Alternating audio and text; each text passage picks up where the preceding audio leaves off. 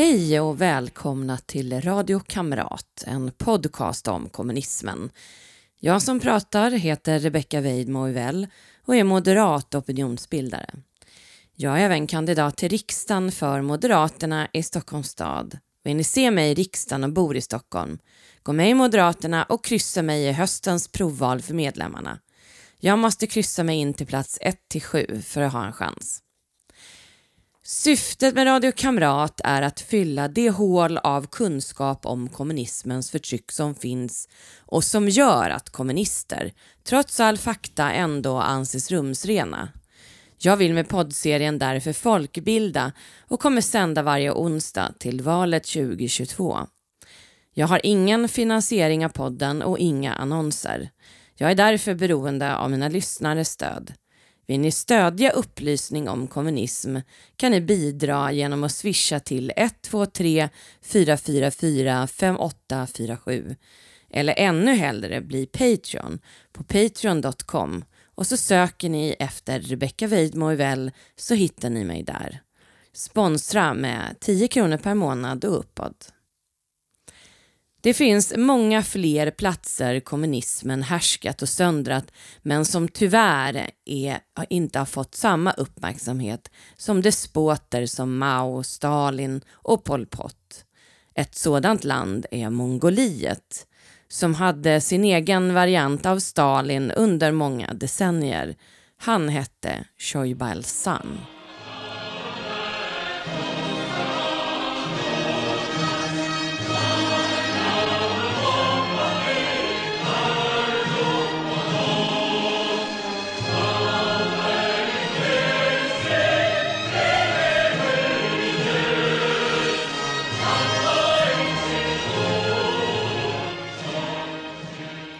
Det har bott människor i dagens Mongoliet i 850 000 år. Den moderna människan kom dit för ungefär 40 000 år sedan. Geografiskt ligger landet mellan Kina i söder och Sibirien i norr, Kazakstan till väster. Den historiskt mest kända mongolen är utan tvekan härskaren Djingis khan som i början av 1200-talet erövrade land efter land och gjorde Mongoliet till ett imperium. Mongolväldet var under sin tid historiens största imperium efter det brittiska. På 1600-talet blev landet kinesiskt men återfick sin självständighet under den kinesiska revolutionen 1911.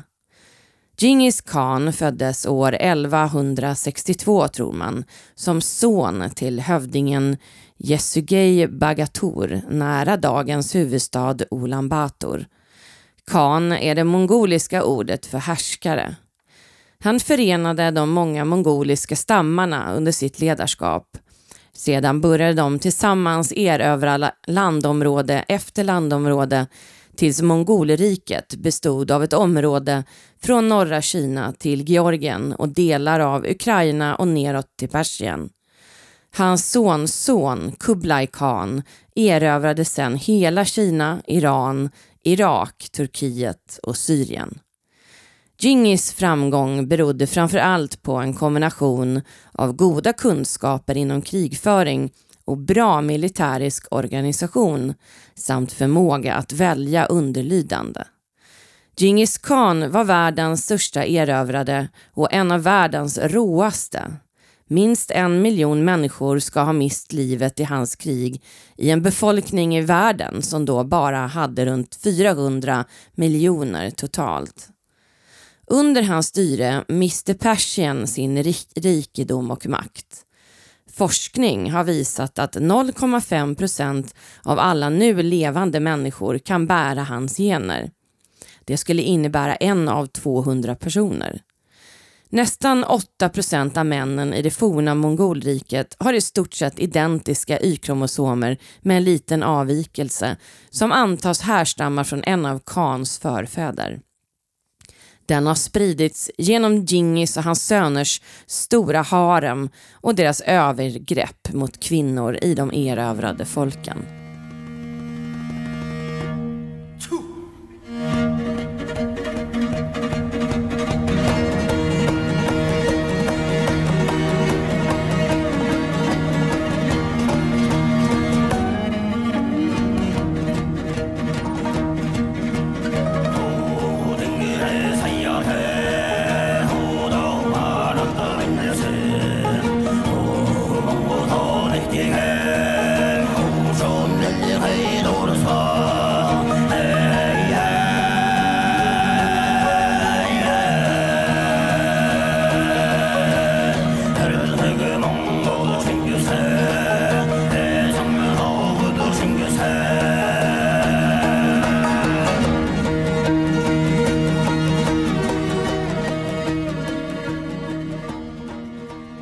Chorlojin Choibalsan föddes den 8 februari 1895 i dagens stad döpt efter honom själv, Choibalsan, som den yngsta av fyra barn till en fattig ogift herdekvinna.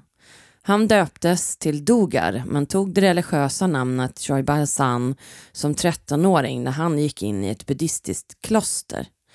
Men han flydde från klostret efter fem år till dagens Ulan Bator med en annan novis.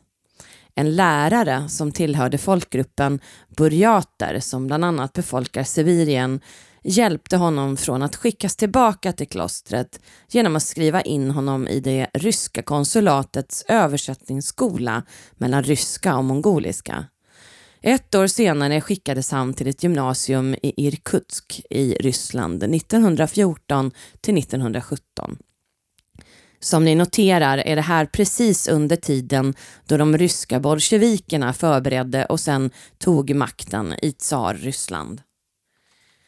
1917, efter den ryska revolutionen, kallades unge Choibalsan tillbaka hem mycket inspirerad av kommunisterna i Ryssland gick han väl hemma med en kommunistisk gerillagrupp, Konsulun Denj, som kämpade mot ockupationsmakten Kina i yttre Mongoliet 1919. Gruppen gick ihop med nationalistiska gerillagrupper och 1920 bildades Mongoliska arbetarpartiet MPP. 1924 döpte de om sig till Mongoliska folkets revolutionära parti, MPRP. I juni 1920 åkte Shoibalsan ihop med sex andra ledare som sedermera kallades de första sju tillbaka till Ryssland och Irkutsk för att lobba för sovjetisk hjälp i sin kamp. De fick till slut Sovjets stöd som tränade deras grupper militärt och mobiliserade vid gränsen för en attack. Kina hade försvagats av attacker från ryska antikommunistiska grupper och inom några dagar hade Choibalsan med hjälp av Röda armén besegrat dem och de antikommunistiska styrkorna. Revolutionen var ett faktum. Men trots att han var en av grundarna av det mongoliska nu styrande partiet MPRP steg han inte i graderna mer än rollen han hade haft som överbefälhavare för den revolutionära armén och utrikesminister. Hans kraftiga supande och kvinnoaffärer stod i vägen. Det var inte förrän Sovjet uppmärksammade hans användbarhet politiskt som detta vände sent 1920-tal, när Sovjets kommissarie för försvar Kliment Voroshilov uppmärksammade Sjojbalsan. Balsan.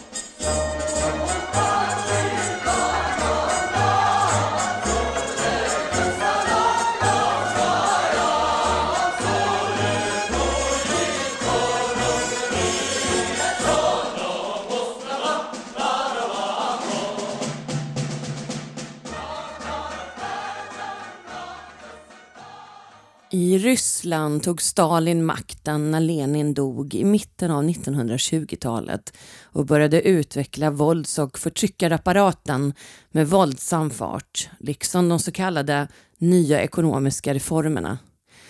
Detta inspirerade vänstern i kommunistpartiet i Mongoliet och Sovjet som då sågs, såg att Choi Bayazam kunde tjäna deras intressen såg till att han sparkades uppåt i hierarkin. Han utsågs till statschef 1929 och han stöttade de Sovjetbackade policies av snabb kollektivisering, expropriation av land och förföljelse av buddister. Choi Balsan drev 1930 på den åttonde kongressen igenom en rad sovjetiska reformer som upptrappad förstatligande av land och tvångskollektivisering. Han utsågs till minister för jordbruk 1931 till 35 vilket gav honom ännu mer makt att genomdriva reformerna. Traditionella herdar tvingades bort från steppen till dåligt skötta kollektiva jordbruk vilket förstörde en tredjedel av Mongoliets djurpopulation. Över 800 gårdar som tillhört den ägande klassen och buddhister konfiskerades och över 700 av de rikaste hushållen avrättades allihop. Övergreppen från staten ledde till slut till brutala uppror och som en reaktion på dessa beordrade Moskva en att centraliseringsåtgärderna tillfälligt skulle pausas. 1931 invaderade Japan närliggande Manchuriet och det skapade en oro och misstänksamhet i Ulan Bator och Moskva som sommaren 1934 resulterade i den så kallade Lukumbe-affären en skapad konspiration där generalsekreteraren för kommunistpartiet Lukumbe och andra högt uppsatta partister i MPRP falskt anklagades för att konspirera med japanska spioner. Man var rädd att japanerna planerade invasion av Mongoliet och 1500 personer fängslades. 56 avrättades. Choi Balsan kallades till Moskva där han förhördes om hans eventuella inblandning men inom dagar samarbetade han med den sovjetiska underrättelsetjänsten NKVD. Stalin var nöjd med hans lojalitet och beordrade premiärminister Genden att utse Choi Balsan till vice premiärminister, vilket han först vägrade. Gendens relationer med Stalin blev sen gradvis sämre samtidigt som Choi-Balsan odlade sina med omsorg. 1935 gav Stalin Choi-Balsan 20 stycken gasbilar som han gav bort bland mongoliska partieliten för att öka sin status och stöd.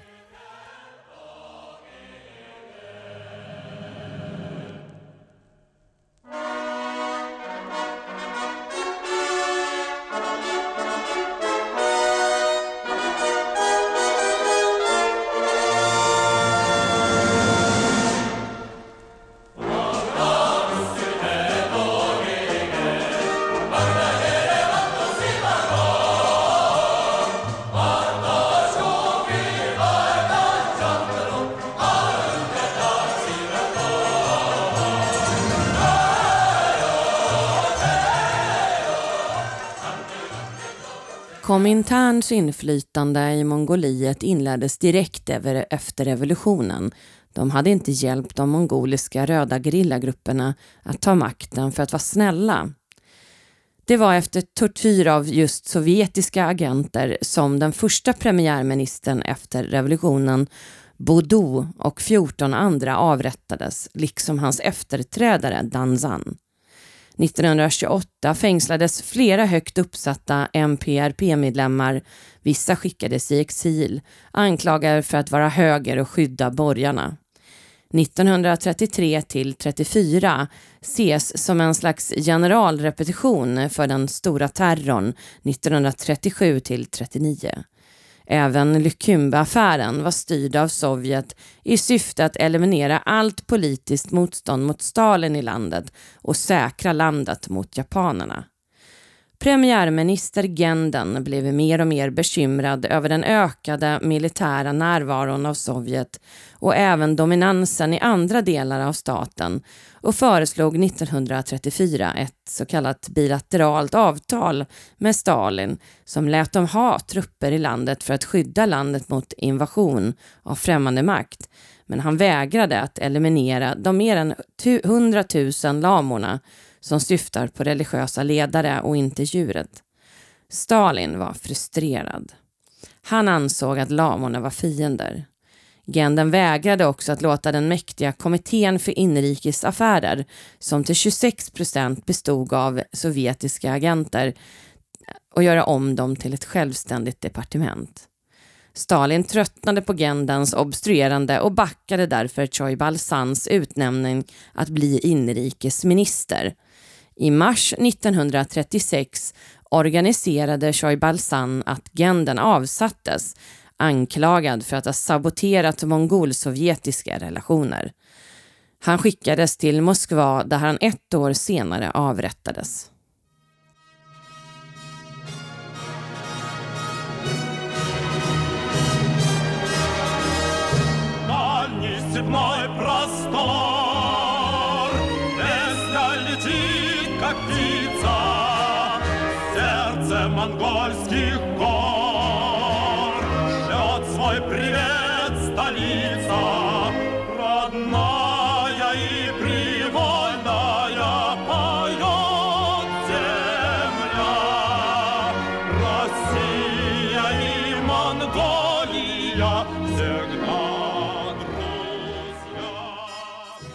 Från 1936 och under tre år plågade Choibal Sansen sedan landet, understödd av Stalin, med den stora utrensningen.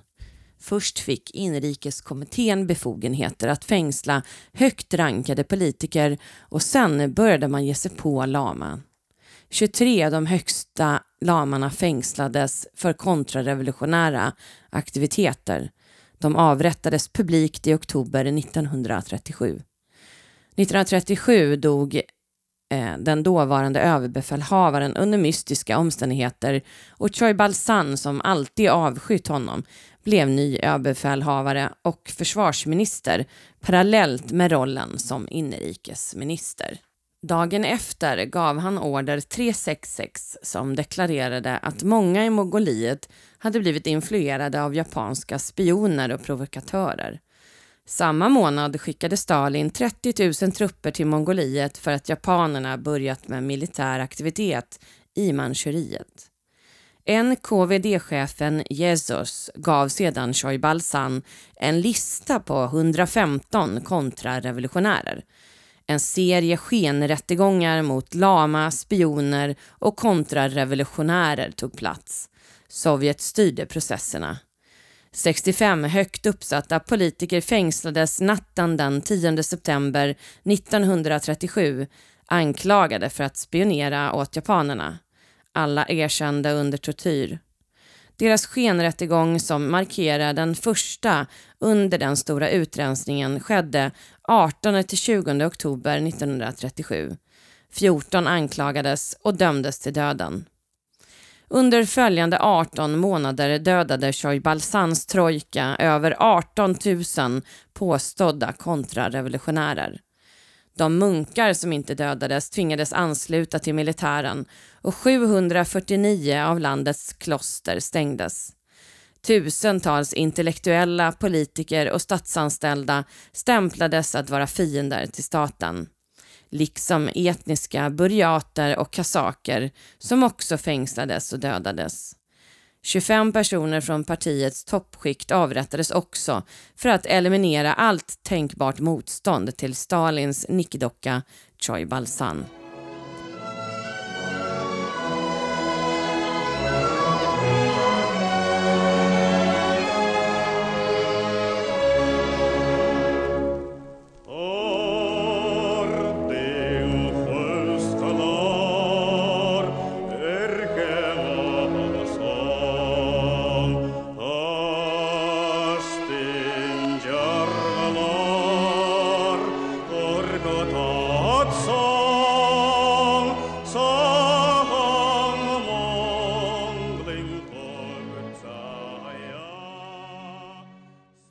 Inspirerad av Stalin öppnade Choi Balsan sitt eget Gulag på landsbygden dit 187 högt uppsatta militärer ihop med 36 av de 51 medlemmarna ur centralkommittén skickades. NKVD utförde såväl förföljelsen och skenrättegångarna som avrättningarna. Men Choi Balsan var inte alls något offer under omständigheterna eller en passiv åskådare. Tvärtom. Han gillade att sitta med när förhören skedde och när folk torterades. Särskilt när de förhörde kontrarevolutionärer inklusive hans tidigare kompisar. Han skrev under en KVD-ordrar för avrättningar och ibland avrättade han folk själv. Han brukade rita ett kryss i de dömdas ansikte innan han försökte pricka krysset när han sköt dem. Familjer till fängslade fick inte flytta hem till sina hus och alla deras ägodelar beslagtogs. 1938 åkte Shoibalsan till Moskva och när han kom tillbaka ett halvår senare fängslade han på order av Stalin den populära premiärministern Amar som skickades till Moskva där han sedan avrättades. Med Amar borta stod inget i vägen för Shoibalsan mer och han blev landets premiärminister samtidigt som han var inrikesminister, försvarsminister och överbefälhavare. Nu fanns inga skäl till utrensningar kvar längre och han avslutade och skyllde på att NKVD tagit saken för långt när han var i Moskva. Resultatet av utrensningen var förödande. En del av det mongoliska samhället var utraderat och mycket av det kulturella arvet. Uppskattningsvis mördades 18 000 lamas och tusentals andra tvingades bli militärer.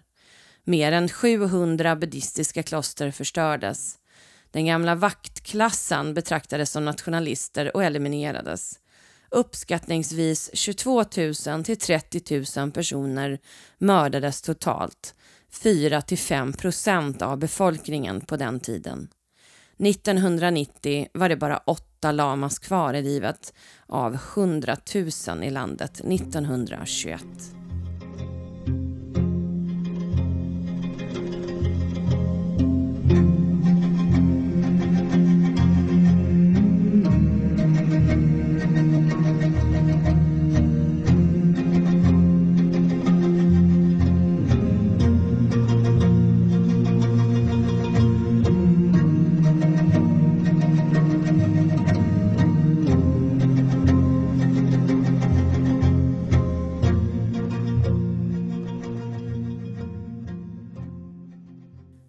De följande 50 åren efter utrensningen förbjöds all publik debatt om det. Choi Balsan själv dog 1952 och utsågs till en slags nationalhjälte, en martyr för Mongoliets självständighet från kineserna. 1991 grävdes massgravar upp i staden Moron och i Ulan Bator 2003 med tusentals mördade buddhistiska lama. Totalt anses att minst 35 000 personer mördades under kommunistregeringen som varade 1926 till 1991. Men chefen för den statliga kommissionen för offren hävdar att siffran förmodligen är upp till 100 000 personer. Efter andra världskriget blev kommunisterna i Mongoliet starkare när industrialiseringen fortsatte och den kollektivisering som Choi Balsan inlett infördes mildare 56 till 59. Choi Balsan blev föremål för en stark personkult och hans födelsestad döptes om till Choi Balsan redan 1941. Att han under så lång tid betraktades som en nationalhjälte har inte minst med att kommunisterna fortsatte att regera till järnridån föll och att ingen offentlig debatt om övergreppen tilläts. Sendelbal heter kommunist, hette kommunistledaren som tog över när Choy Balsan dog och hans destalifiering av landet bidrog också till att Choy Balsans övergrepp doldes och hans hjältestatus höjdes.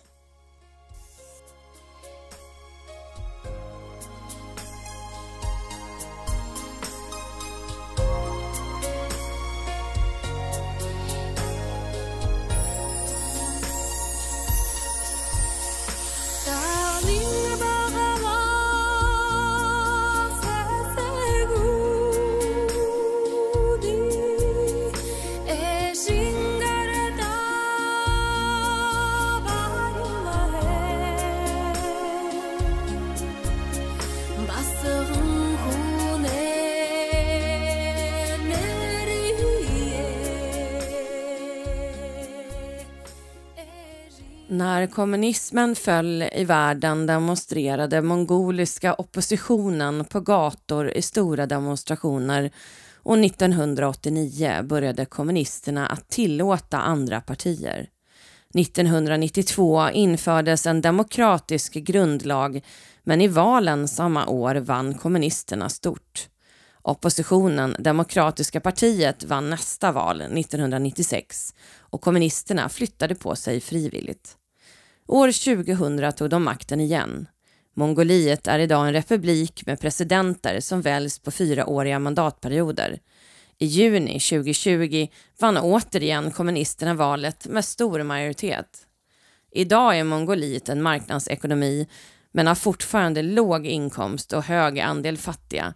32 procent var enligt Världsbanken fattiga 2006.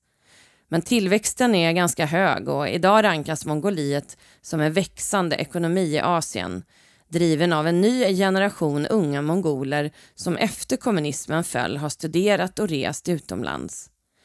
Men ilskan mongolerna borde känna för Shoibalsan idag saknas, delvis i alla fall, och istället riktas den mot Stalin och Sovjet.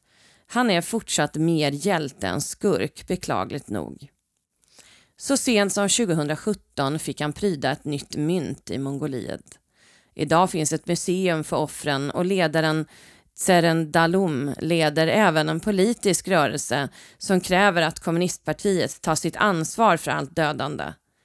Idag får familjer till avrättade 925 dollar per person i ersättning och kompensation för övergreppen. En stor summa för ett land där genomsnittslönen 97 var 395 dollar. Men kommunistpartiet vill fortfarande utmåla sig själva som offer och skyller på Stalin och på Sovjet. Idag vill de inte kalla sig kommunister. Demokrater i Mongoliet anser att för att landet ska kunna betraktas som öppet och demokratiskt så måste man prata om övergreppen ärligt. Så länge kommunistpartiet konsekvent vägrar att erkänna något ansvar anser denna rörelse att man inte kan kalla sig det ännu.